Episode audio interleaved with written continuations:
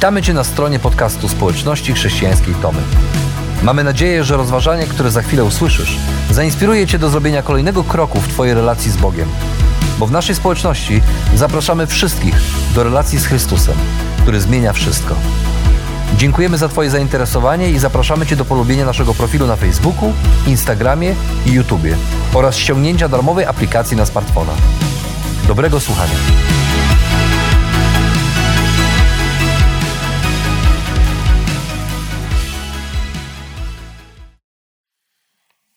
Nieidealni.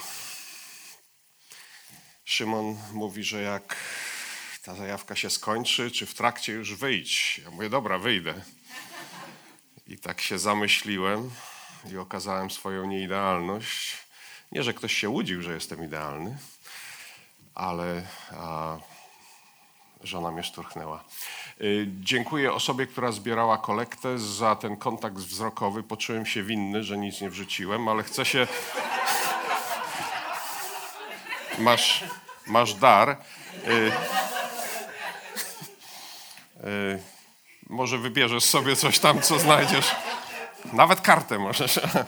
Ale żona dała, więc mamy wspólny budżet póki co. W ogóle w, przygotowaniu do ślubu, jak mamy szkolenia przedmałżeńskie, to podkreślamy, że zdrowe małżeństwo ma jeden budżet i widzicie, kto u nas rządzi finansami, więc żebyś nie była zniechęcona, że nie wszyscy dają, to myśmy dali, więc... Kochani, cieszę się, cieszę się. Słyszałem wiele.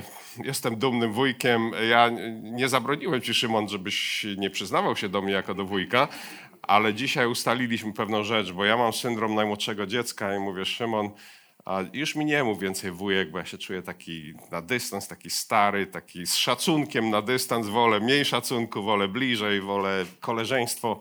Także to samo idzie do Sary, bo głosowanie było dzisiaj rano.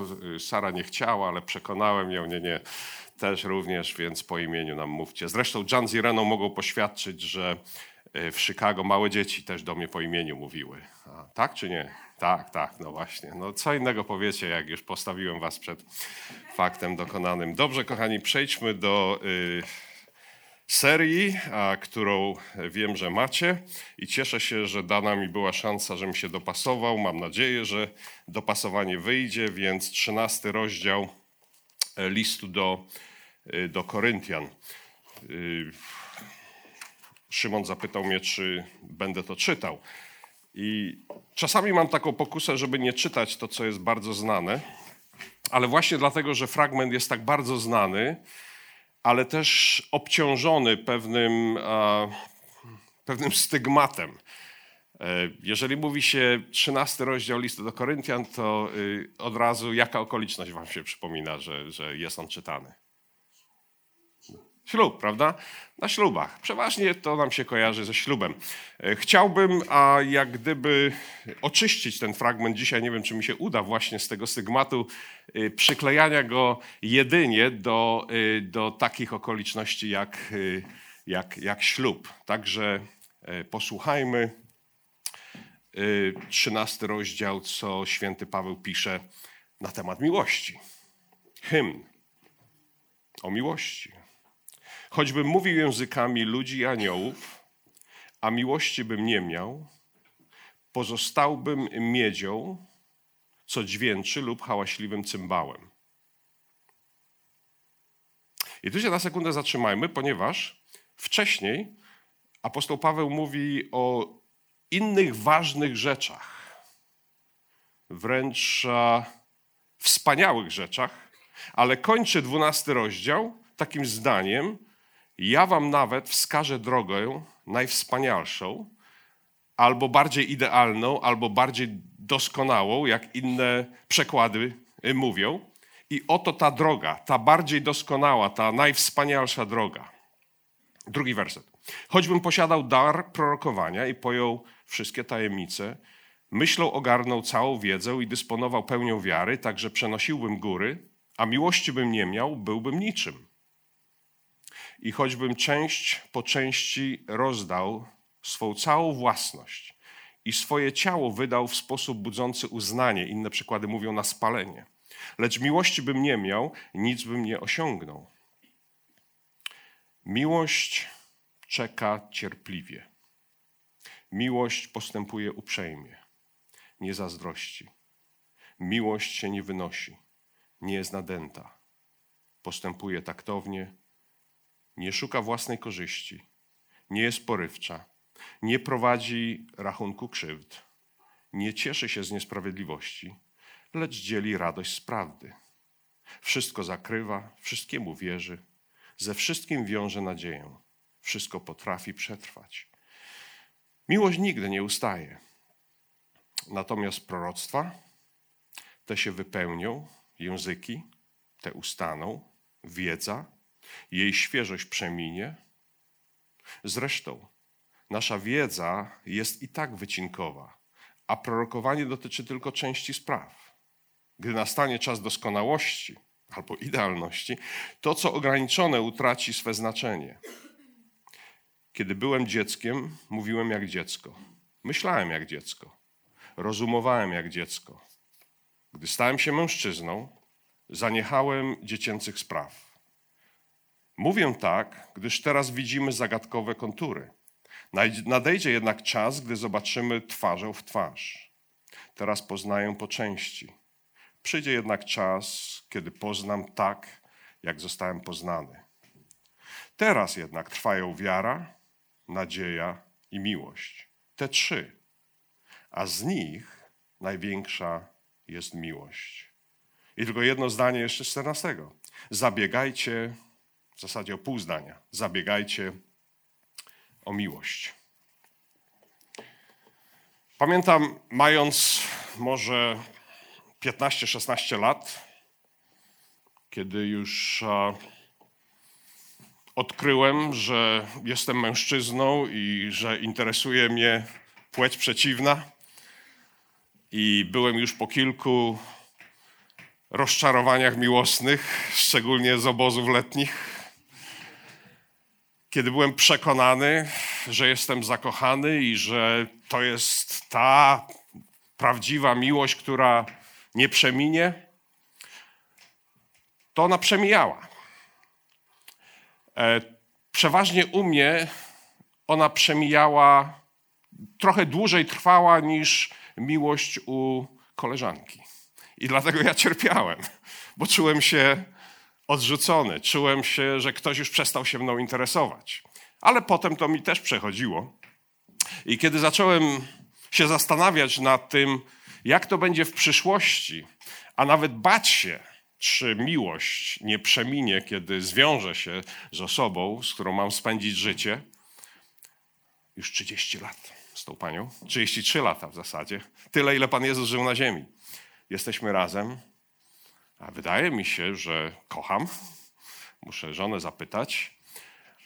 Ale siedząc kiedyś ze swoją babcią, zapytałem, mówię, babciu, a babcia miała tylko dwie klasy, bo później okoliczności wojny przerwały możliwość chodzenia do szkoły. To było jej całe wykształcenie. Mówię, babciu, ty już tyle przeżyłaś, powiedz mi, po czym poznam, że zakochałem się prawdziwą miłością? I babcia spojrzała na mnie i mówi: Jak się zakochasz prawdziwą miłością, to będziesz wiedział. I to mi tak zostało. I trochę współczuję wszystkim tym, którzy mają umysł ścisły, którzy lubią definicje, którzy chcą, żeby rzeczy były klarowne. To Paweł trochę tak jak moja babcia. Mówi, że pewne rzeczy widzimy jak kontury. Inny przekład mówi jak w zwierciadle, jak zagłębimy się w oryginał grecki, jak w zaparowanym lustrze albo przez matowe szkło. Wiecie, w zaparowanym lustrze widać te kontury, ale trudno się do nich ogolić. Y, do tego lustra, do tego odbicia ogolić. Coś tam widzimy. I to samo jest z miłością. Trudno jest określić.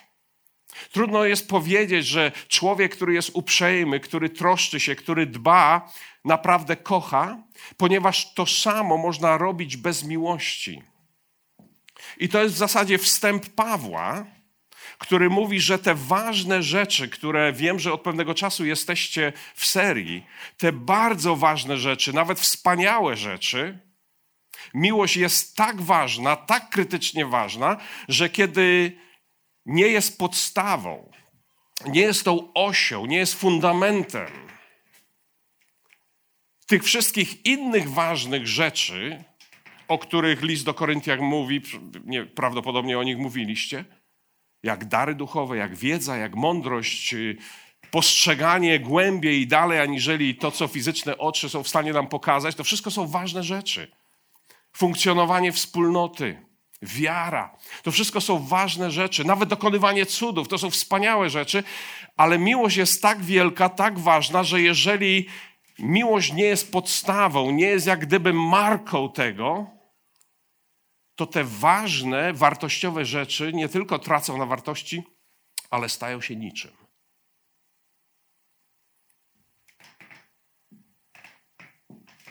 Tak ważnym jest miłość.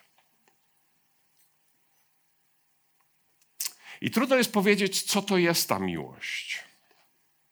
Trudno by było teraz omawiać ten fragment, każdy przymiotnik, że ona jest cierpliwa, że ona jest uprzejma, że nie jest zazdrosna. Ponieważ odwracając i czy każda sytuacja, gdzie nie jestem zazdrosny, okazuje miłość, wiemy, że to tak nie działa. Więc może pozmagajmy się trochę. Spójrzmy na Boga, o którym Pismo Święte mówi, że Bóg Wiecie, Bóg jest opisywany, że On jest suwerenny, wielki, wieczny, bez końca, jest przymiotnikami opisywany, a w tym przypadku, w zasadzie w dwóch przypadkach, jest opisany rzeczownikiem. I pierwszy przypadek to, że Bóg jest światłością, Pismo Święte mówi.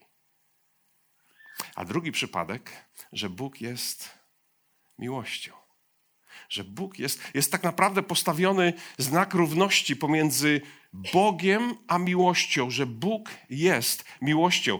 I Bóg w związku z tym, że to jest to, kim On jest, Bóg inaczej, jeżeli możemy mówić o tym, czego Bóg nie może, ten wszechmogący, który wszystko może, jest kilka rzeczy, których nie może. Bóg nie może nie kochać. Bóg nie może być motywowany czymś, co nie jest miłością. Bóg kocha bezgranicznie. Miłością, jaką my nie jesteśmy w stanie kochać. Bóg jest miłością, jaką my, nieidealni, nie jesteśmy w stanie być. Ale dobra nowina w tym, że ta miłość, ta bezgraniczna, Boża, święta, w sensie odmienna, nieporównywalna, jest skierowana do Ciebie i do mnie. Bóg tą miłość okazuje przede wszystkim w swojej naturze trzech osób Ojca, Syna i Ducha. W tej relacji, boskiej relacji. A po drugie, Bóg tą miłość okazuje w swoim stworzeniu i dla swojego stworzenia. To w jaki sposób, kiedy Bóg tworzył to, co istnieje, tworzył z miłości. Wiecie, dzieci mogą powstawać biologicznie, ale dzieci też mogą powstawać z miłości. Jest różnica. Bóg zrodził świat w miłości. Po drugie, Słowo Boże nas wzywa, abyśmy kochali Boga i kochali Go na maksa, z całej siły, z całej duszy, z całej myśli, z całej woli swojej. Inaczej, tak jak potrafimy.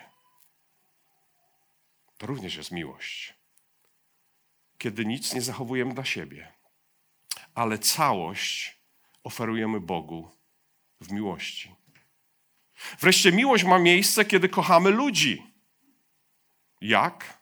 Tak jak samych siebie. Człowiek zdrowy psychicznie i emocjonalnie kocha siebie, szanuje siebie. I wiecie, ludzie, którzy nie kochają siebie, nie są w stanie w zdrowy sposób kochać innych. Dlatego tak ważnym jest, abyśmy akceptowali siebie, kim jesteśmy. Kochali siebie, dbali o siebie, ponieważ tylko z tej perspektywy, z tego miejsca jesteśmy kochać, jesteśmy w stanie kochać innych w sposób odczuwalny przez nich, gdzie będą czuli się kochani. I kochani, kiedy to ma miejsce, wtedy to idealna miłość nas, nieidealnych, przemienia. Dlaczego ta miłość, o której Paweł mówi, jest tak bardzo ważna?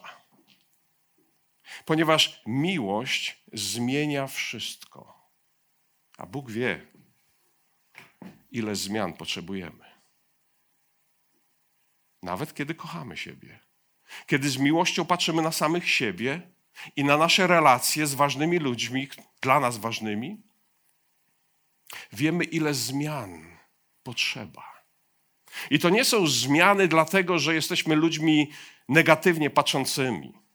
Kiedy patrzymy na swoje obejście, na swoje mieszkania, może nie wiem, na swoje ciała, na swoje fryzury, to, że patrzymy i mówimy, przydałaby się zmiana, nie oznacza, że siebie nie akceptujemy, tylko wiemy, że jest miejsce do poprawy. Jest miejsce, gdzie możemy uczynić kroki postępu po to, aby przeżywanie radości, aby, aby przeżywanie satysfakcji podnieść, podwyższyć. Wtedy jesteśmy ubogaceni. A więc miłość, kiedy ta idealna, święta Boża miłość ma miejsce, ona nas nieidealnych przemienia. Co przemienia? Po pierwsze, przemienia nasze myślenie. Wiecie, że ludzie przepełnieni miłością, którzy również czują się kochani przez innych, myślą inaczej, aniżeli ludzie, którzy czują się odrzuceni i niechciani. Jest wielka różnica. I my, jako naśladowcy Chrystusa, chcemy doświadczać tej bezgranicznej miłości Bożej, tej ludzkiej miłości na maksa albo jak siebie samych. To zmienia nasze myślenie, myślenie o Bogu. Ludzie, którzy wyrastali w, w, środowisku, gdzie nie czuli się kochani, mają trudności, aby zaakceptować Boga jako tego, który kocha bezgranicznie. Tak jesteśmy stworzeni taką strukturą psychiczną jesteśmy, że potrzebujemy miłości, aby poprawnie myśleć o Bogu. Potrzebujemy miłości, aby poprawnie myśleć o samych sobie, sobie. O samych siebie? Sobie, o samych sobie. O ludziach, o świecie całym, o stworzeniu. Ja widzę, co się dzieje, kiedy mamy różnego rodzaju opinie i podejście do sytuacji, na przykład teraz na Ukrainie. Ludzie, którzy nie rozumieją miłości, oburzają się, kiedy wypowiadamy się w sposób holistyczny, całościowy, gdzie można określić agresora i ofiarę, ale naprawa to nie jest tylko bronienie czy wyposażanie pokrzywdzonych ale gdyby tak się udało, z wroga uczynić przyjaciela. Salomon czymś takim się łudzi, że kiedy Bóg okazuje łaskę i miłość, to często wrogowie stają się przyjaciółmi. To jest ta wyższa droga, ta bardziej wspaniała droga. A więc ta miłość, kiedy ma miejsce, ona zmienia nasze myślenie. Po drugie, ona zmienia nasze mówienie. Zaczynamy inaczej mówić. Mowa jest bardzo ważna. Słowa mogą rujnować albo budować. Nawet kiedy wydajemy opinie, są one z pozycji miłości, z perspektywy miłości. Wiecie, coś może być negatywne, coś może być szkodliwe, coś może być niepotrzebne we wspólnocie, w relacji, w społeczeństwie, ale inaczej Wypowiada się człowiek, który kocha, a inaczej ten, który nie ma pojęcia, czym jest miłość. Nie dlatego, żeby się wymądrzać albo uczyć, uczynić siebie lepszym, bardziej moralnym czy szlachetnym człowiekiem, ale kiedyś rzuciłem takie wyzwanie w towarzystwie mężczyzn w moim wieku, czyli 85 wzwyż. Ja po prostu dobrze wyglądam na swoje lata. I mówię, panowie, ale politycy to też ludzie. To są mężowie, to są ojcowie, to są matki, to są żony. To są tacy sami ludzie jak my. Oni po prostu mają inne stanowiska, inne obowiązki. Dlaczego nam się wydaje, nawet chrześcijan, i to by, była, y, że tak powiem, towarzystwo naśladowców Chrystusa, gdzie wobec innych ludzi byśmy nigdy takimi słowami, ani takiej opinii nie wydawali, ani takiej postawy byśmy nie oczekiwali, ponieważ wzywa nas do tego Chrystus, abyśmy byli właśnie uprzejmi, mili wobec ludzi. Ja mówię, ale dlaczego my o politykach możemy pluć i rzucać najgorsze błoto, kiedy tak naprawdę nie znamy tych ludzi? Jesteśmy ofiarą tego, co media nam przekazują. Spotkałem się z milczeniem. Nasze mówienie się zmienia. Sposób, w jaki wydajemy opinię. Czynimy to z perspektywy miłości. Ta miłość, o której mówimy, nie jest ślepa. Czynimy to z perspektywy przebaczenia, wyrozumiałości, dawania nowych szans. Kiedy ta miłość w nas dojrzewa, stajemy się pobłażliwi. Nie pobłażliwy na, na dziadostwo w życiu, jeżeli tak to mogę nazwać, ale pobłażliwi na naszą nieidealność. Nie pobłażliwi na to, że ktoś bliski tonie w nałogu, ale pobłażliwi na fakt, że starał się, próbował, już był trzeźwy przez rok czy dwa i przez nieostrożność upadł. Nie jesteśmy tymi, którzy kopią, którzy dobijają, ale jesteśmy pobłażliwi. Nawet jeżeli to się stanie wiele razy, podnosimy tych ludzi, ponieważ posiadamy miłość. Jesteśmy ludźmi kochającymi, dajemy nowe szanse, wiedząc o tym, że nikt nie jest idealny. I wreszcie taka miłość zmienia nasze postępowanie, nasz styl życia. To zmienia nasze nawyki. Te szkodliwe eliminujemy. Te, które budują, nas umacniają, nas rozwijają, pielęgnujemy.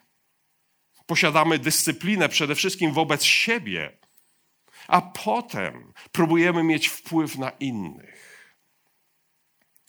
To w jaki sposób traktujemy przyjaciół i wrogów, to zmienia, kiedy jesteśmy wypełnieni tą świętą miłością i przez świętą mam na myśli tą inną, tą odmienną, tą wyjątkową, tą Bożą. I wreszcie to zmienia naszą pobożność. Przez pobożność mam na myśli nasz styl pobożności, nasze uwielbienie, nasze nabożeństwo, to jak się modlimy, jak śpiewamy, jak służymy. To zmienia wszystko, kiedy jesteśmy ludźmi kochającymi. Wtedy przechodzimy, im więcej miłości w naszym życiu, wtedy mniej legalizmu, mniej samosprawiedliwości, mniej samoświętości, mniej zachwytu samym sobą. Rezygnujemy z takiej pobożności ekskluzywnej, gdzie otaczamy się tylko ludźmi, którzy podobnie myślą do nas. Otwieramy się szczególnie na wyzwania tych, którzy mogą się nawet z nami nie zgadzać. I są dobrą obecnością, są pozytywną obecnością w naszym życiu.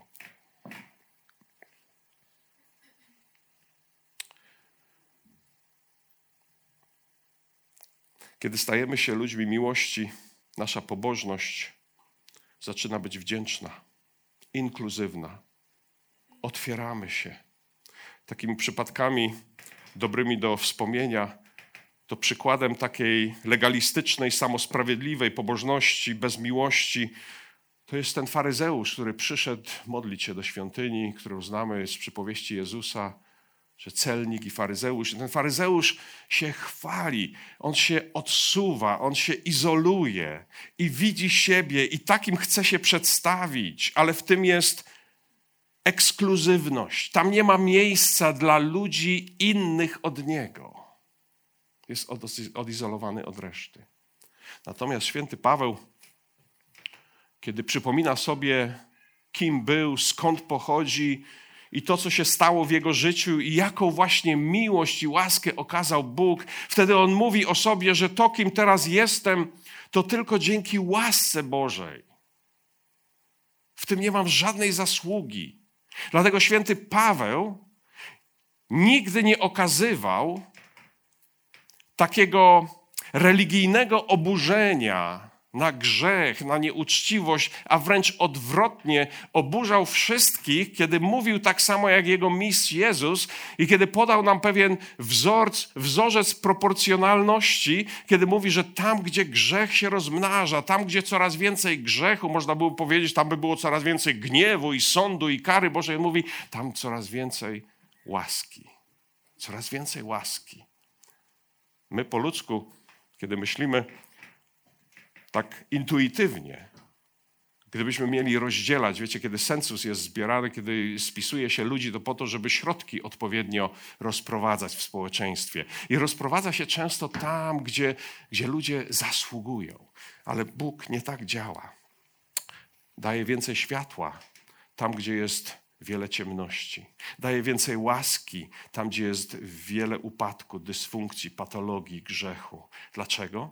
Ponieważ Boża mądrość oparta jest na miłości. Miłość, o której Paweł pisze, to rzeczywistość Bożej obecności w naszym życiu. To jest podstawa funkcjonowania wspólnoty, relacji.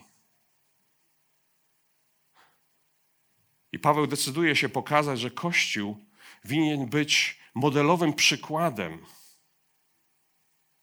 jak ten niezbędny składnik, jako niezbędny składnik wszelkich relacji działa.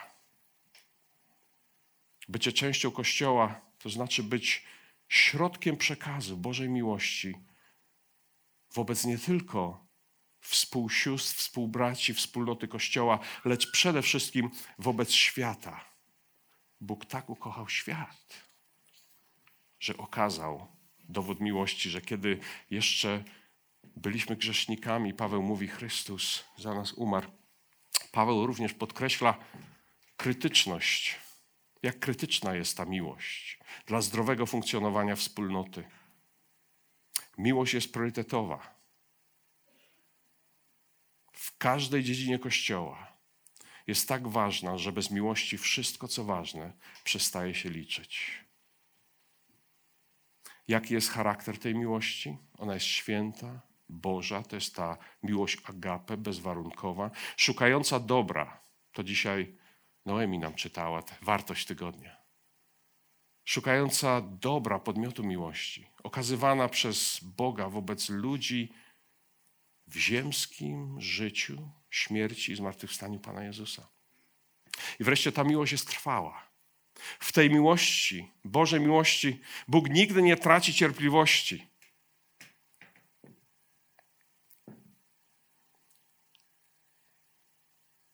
Również my. Nie wolno nam nigdy dojść do wniosku, że ktoś albo coś nie jest warte tej miłości. Wszystko kiedyś zaniknie, ale miłość pozostaje bo miłość jest wieczna. Jeżeli miałbym zakończyć, a wypadałoby, to chciałbym zakończyć tym obrazem, który był tylko wspomniany na początku nabożeństwa, kiedy Pan Jezus wjeżdża do Jerozolimy na oślątku. To miłość, jaką okazał tłum, to nie o takiej miłości mówimy. Ponieważ tej palmowej niedzieli wszyscy krzyczeli Hosanna, błogosławiony ten, który przychodzi w imieniu pańskim, król Izraela. Byli radykalni w tej miłości. Swoje ubrania ściągali, kładli, tworzyli z tego jak gdyby czerwony dywan, po którym Jezus mógł wjechać do miasta. Ale tylko trochę się świadomość zmieniła, trochę się czas zmienił, okoliczności się zmieniły i już za tydzień, w piątek, krzyczeli: Ukrzyżuj go, wybieramy Barabasza. To nie o takiej miłości mówimy. Ale mówimy o miłości, którą okazał Pan Jezus, kiedy wjeżdżał w palmową niedzielę do Jerozolimy. Ta miłość była tak wielka, tak nieograniczona i tak niezmienna, że w ten wielki piątek, kiedy stał obok Barabasza i ci sami ludzie krzyczeli: Ukrzyżuj go, ukrzyżuj go, on kochał tak samo. Kochał tak samo. To jest ta miłość, o której mówimy.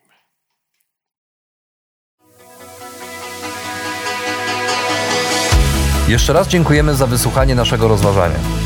Jeżeli mieszkasz w okolicach Tomaszowa Mazowieckiego lub Łodzi, zapraszamy Cię do odwiedzenia nas na niedzielnym nabożeństwie. Więcej informacji znajdziesz na stronie schatomy.pl.